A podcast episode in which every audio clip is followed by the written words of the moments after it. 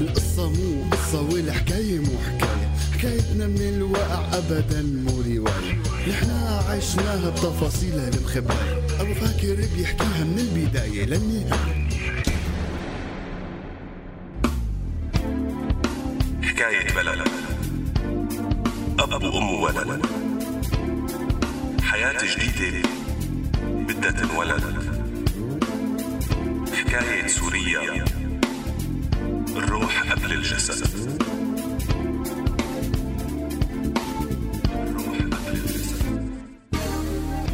هلا مع حكواتي السورياني عاها راديو سورياني خليكم معنا.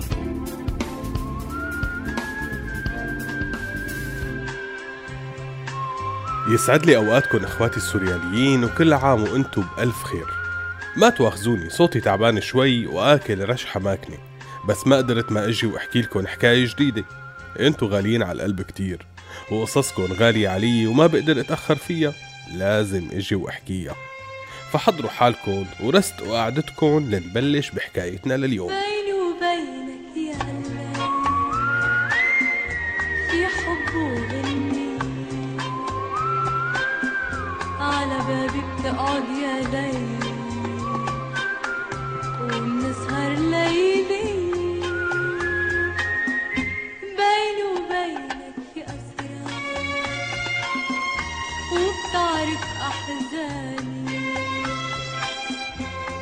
مرقلي عاك الدار وقله ما ينساني.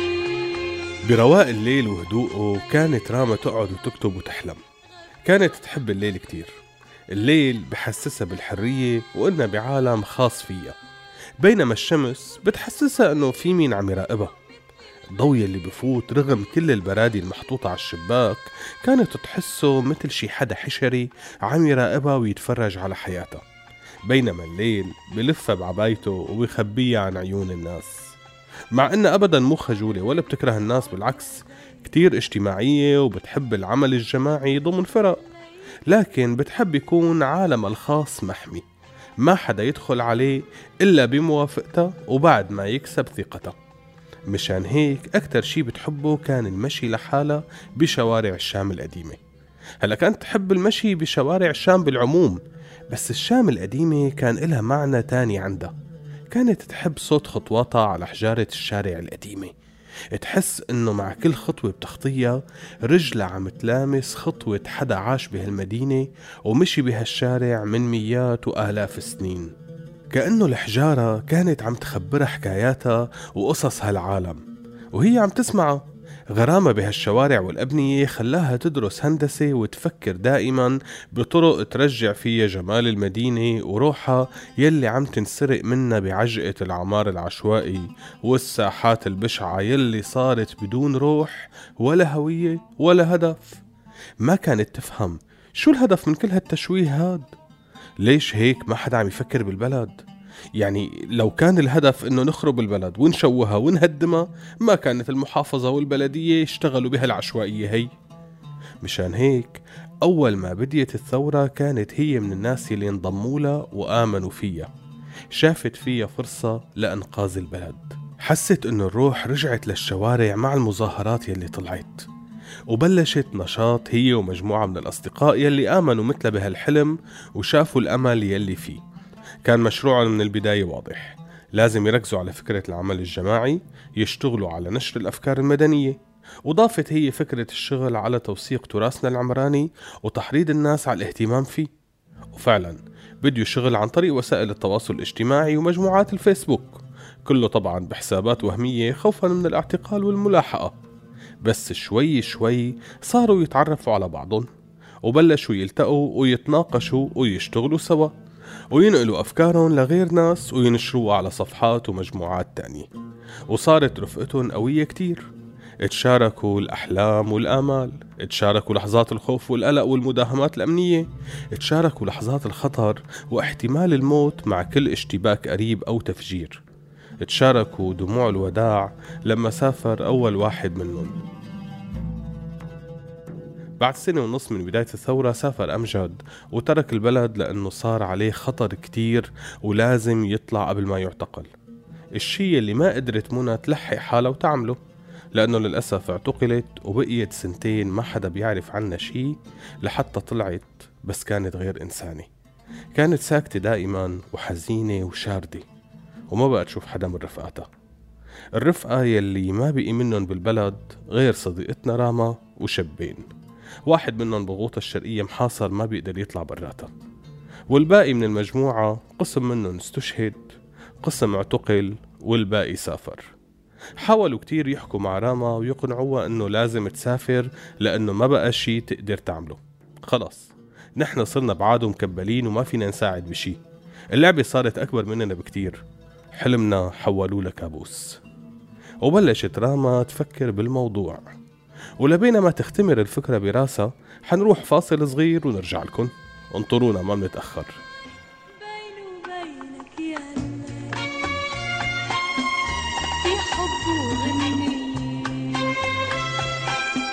على بابي بتقعد يا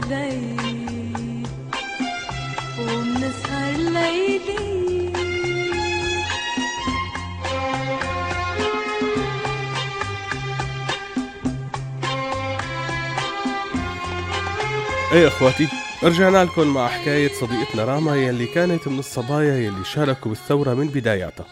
حكينا لكم عن حبها لليل وهدوءه والبلد وشوارعها وروحها يلي حست إنها رجعت مع أول مظاهرات طلعت. وكيف بلشت البلد تفضى بعد اعتقال كتير من رفقاتها أو استشهادهم أو سفرهم.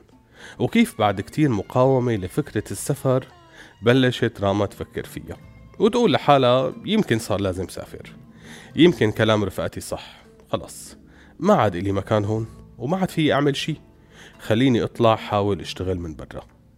وقبلت عرض شغل إجاها على بيروت كانت هي أبعد مسافة قدرت تفكر فيها.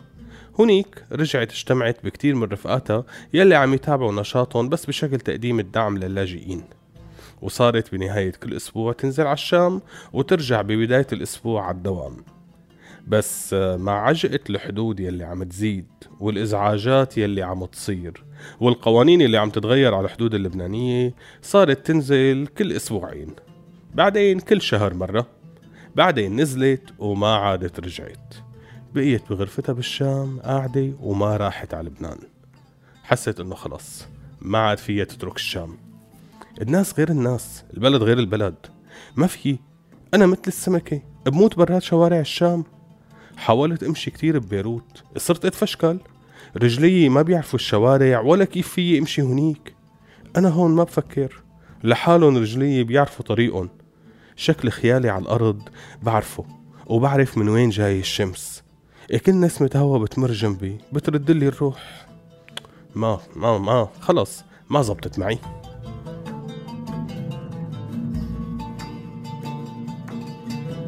هيك خبرتني وقت كنت عم حاكيها وأطمن عليها.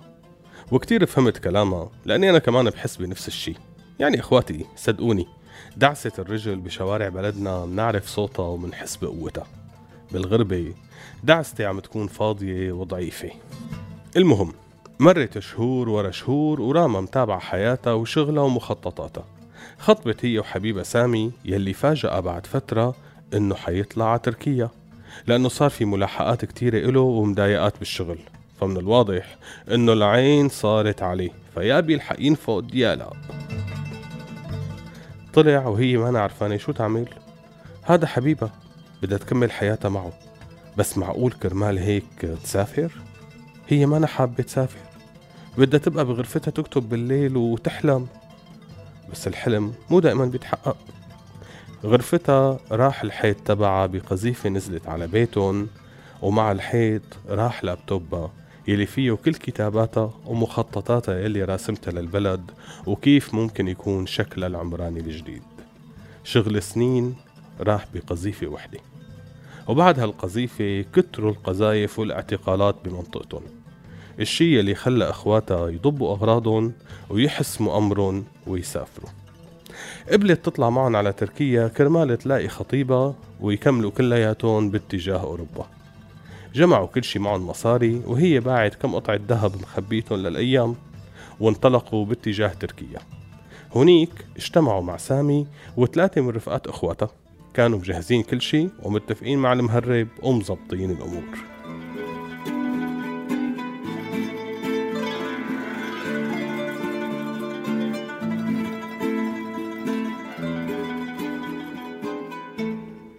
قبل يوم السفر كانوا قاعدين عما يتعشوا ومعهم رفيق إخواتها عماد يلي ربيان معهم بالبيت من هن صغار. قاعد وساكت. شو في يا عماد؟ شبك؟ شو القصة؟ خبرون إنه ما حيقدر يطلع معهم بكرة لأنه ما كملوا المصاري تبعوته. كان موعود يوصل قرايبه من السفر ويجيب له شوية مصاري لكن ما قدر يجي. فمشان هيك حيبقى هون ويمكن يرجع على البلد. قامت بدون تفكير طالعت شنطايتها اللي مخبية فيها مصاريها وقالت له خد هدول وسافر. استغرب عماد واخواتها من هالتصرف. وطبعا أكثر واحد استغرب هو سامي خطيبها اللي سألها وانتي قالت له أنا ما في أسافر. ما عم أقدر أتخيل حالي هونيك انتو حاسمين أمركم؟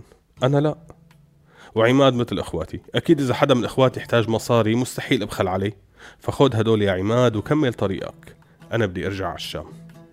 بعد نقاش طويل رضي عماد وأخذ المصاري والفرحة ملت عيونه بينما سامي كان معصب من القرار المفاجئ يلي اخذته راما والخاتم يلي رجعت له إياه.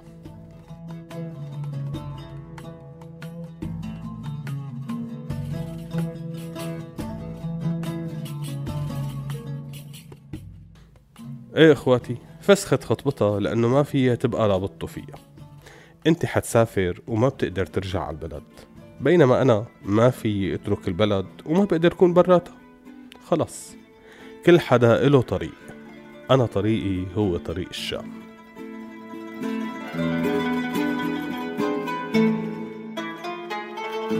هدي يا بحر هدي.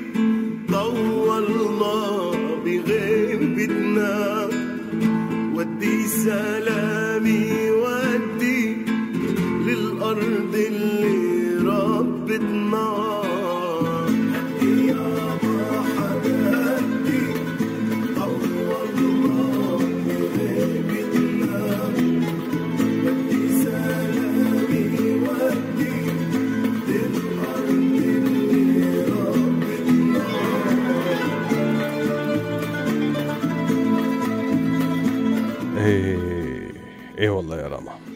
إن شاء الله كلياتنا نمشي معك على هالطريق ونرجع على بلدنا ونمشي بشوارعها استودعناكم. سلم سلم عبلادي تربة بي وجدادي. سلم سلم عبلادي تربة بي وجدادي. بعد الزغلول الشادي بغرقنا لعودتنا. هدي يا بحر هدي